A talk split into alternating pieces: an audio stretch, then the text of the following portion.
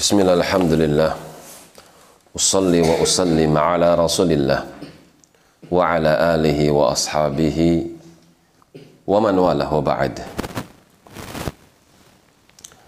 Masih di dalam surah Al-Ankabut sampai pada firman-Nya tentang mereka kaum musyrikin manakala mereka disentuh oleh hal-hal yang membahayakan hal-hal yang bisa mencelakakan mereka. Peristiwa yang bisa membinasakan mereka terdesak. Maka mereka akan berdoa kepada Allah dengan penuh keikhlasan. Tapi kalau beban itu hilang kembali kehidupannya lapang idahum yusyrikun maka kembali mereka melakukan bentuk-bentuk kesyirikan itulah kaum musyrikin melakukan kesyirikan hanya di saat lapang tapi dalam keadaan terdesak, mereka kembali kepada fitrah. Mereka hanya meminta kepada Allah. Mereka lupakan seluruh arca-arca mereka. Namun sangat disayangkan, justru orang-orang belakangan dalam keadaan lapang, dalam keadaan terdesak,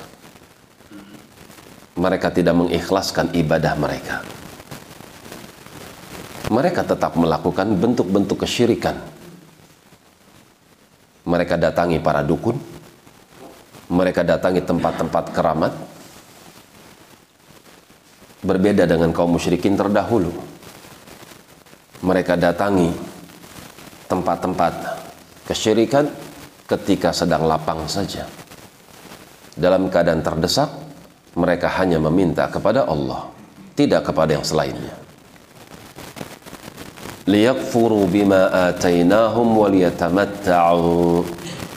maka Allah mengancam mereka kufur terhadap apa yang kami berikan kepada mereka berupa kenikmatan demi kenikmatan.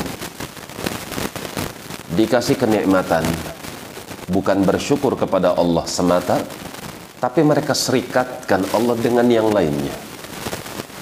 Mereka agungkan Allah dan agungkan selain Allah seperti mereka mengagungkan Allah. Syirik. Waliyatamatta'u. Silahkan mereka bersenang-senang dengan waktu sesaat saja. Fasawfa ya'lamun. Kelak mereka akan mengetahui akibatnya. Allah memiliki hari di mana hari tersebut manusia akan dipinta, dituntut pertanggungjawaban dan mereka akan mendapatkan akibat dari perbuatan yang telah mereka kerjakan.